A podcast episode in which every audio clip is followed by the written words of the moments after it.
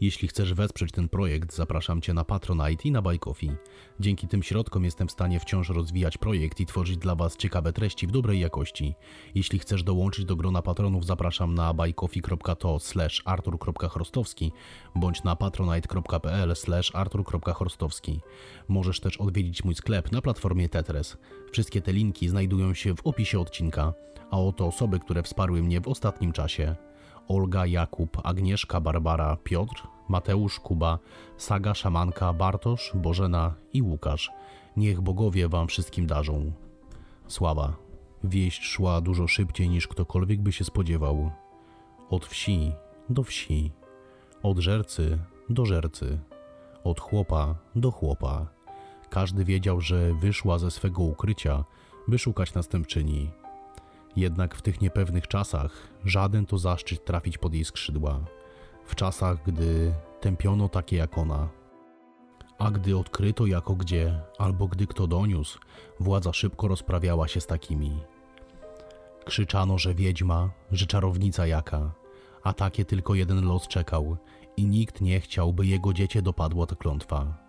Jednak dar nie w każdej był, ale każdy wiedział, że ta z darem wyboru nie ma Taki to już ich los. Ta, która wyruszyła, była już dość stara. I może i małe, ale jednak szanse były, że wiedzę wybrańce przekaże i spokojną śmiercią odejdzie. Ze starości, na swoich zasadach, nie zaatakowana i upodlona. Musi jednak być ostrożna, a rozgłos ostrożności nie sprzyja. Zwłaszcza, że już cała okolica huczała, że opuściła kryjówkę. Nie bała się jednak i szła śmiało do przodu. Mimo wieku pokonywała drogę sprawnie i szybko, a zwali ją babuszką, szeptucha z lasów, co wiedzę swą chętnie wykorzystywała, by nieść pomoc, ale by jej się bronić lub karę wymierzać. Wybuchowa, lecz sprawiedliwa. Ten, kto za skórę jej zalazł, wnet poznawał jej moc.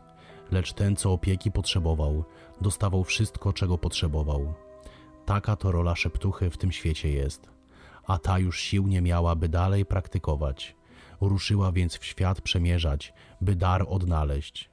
Gdy weszła do pierwszej wsi, ludziska poczęli córki chować po kątach izby. Matki płakały, ojcowie grozili.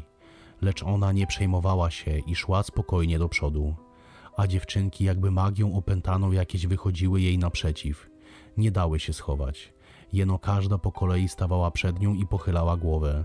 Ta kładła dłoń na czole i czekała na znak daru. Jednak w tej wsi żadna go nie miała. Ruszyła więc dalej do następnej wioski. I tak od jednej do drugiej. Czuła, że ta z darem stanie na jej drodze prędzej czy później. Kiedy jednak dokładnie, nie wiedziała. W drugiej wsi też nic. Trzecia spalona i splądrowana cała była. Nikt nie wyszedł jej na spotkanie. Zbóje byli tu wcześniej i nie zostawili we wsi żadnej żywej duszy. Smutny to był widok. Opustoszałe obejścia, zawalone i spalone chałupy. Wiele, wiele śladów. Jedni uciekają, drudzy ich gonią. Myśliwi tropi ofiarę. Dognali ich pewno gdzie w lesie i tam się wszystko rozegrało. Sprawdzać jednak nie chciała. Zbyt drastyczny to mógł być widok. Miała już opuszczać pogorzelisko, gdy nagle uderzyło ją wielkie ciepło. Tak, jakby płonęła od środka. Padła na kolana i poczęła rozglądać się wokół. Nikogo jednak nie widziała. Jeno małe światełko, ognik czy też świetlik tuż przed nią.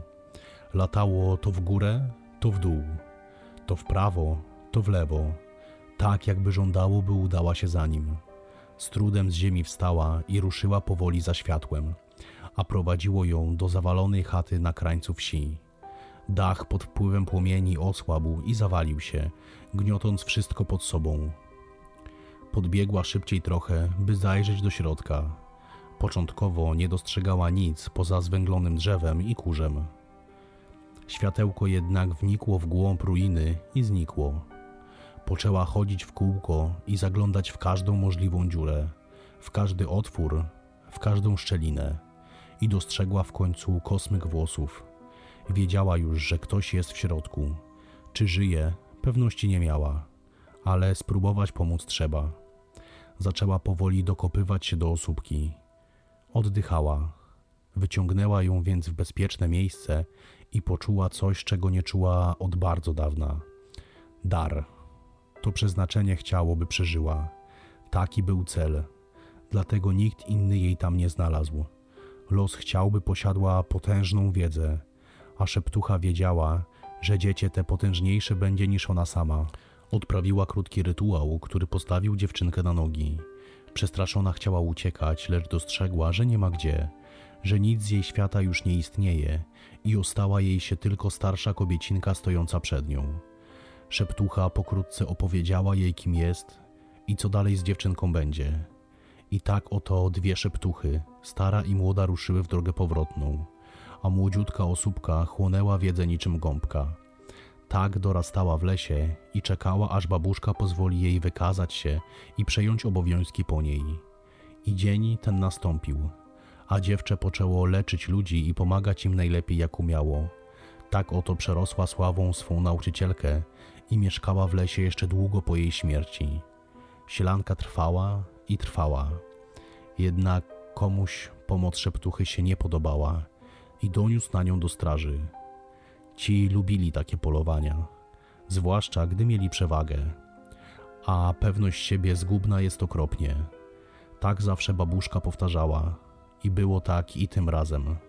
Zebrali się pod lasem ze czterdzieści chłopa lekko licząc i ruszyli w głąb drzew, by odnaleźć szeptuchę. Ona jednak znała swój dom jak nikt inny, a pułapek w nim wiele było. Część z nich jeszcze babuszka zostawiła, część ona sama.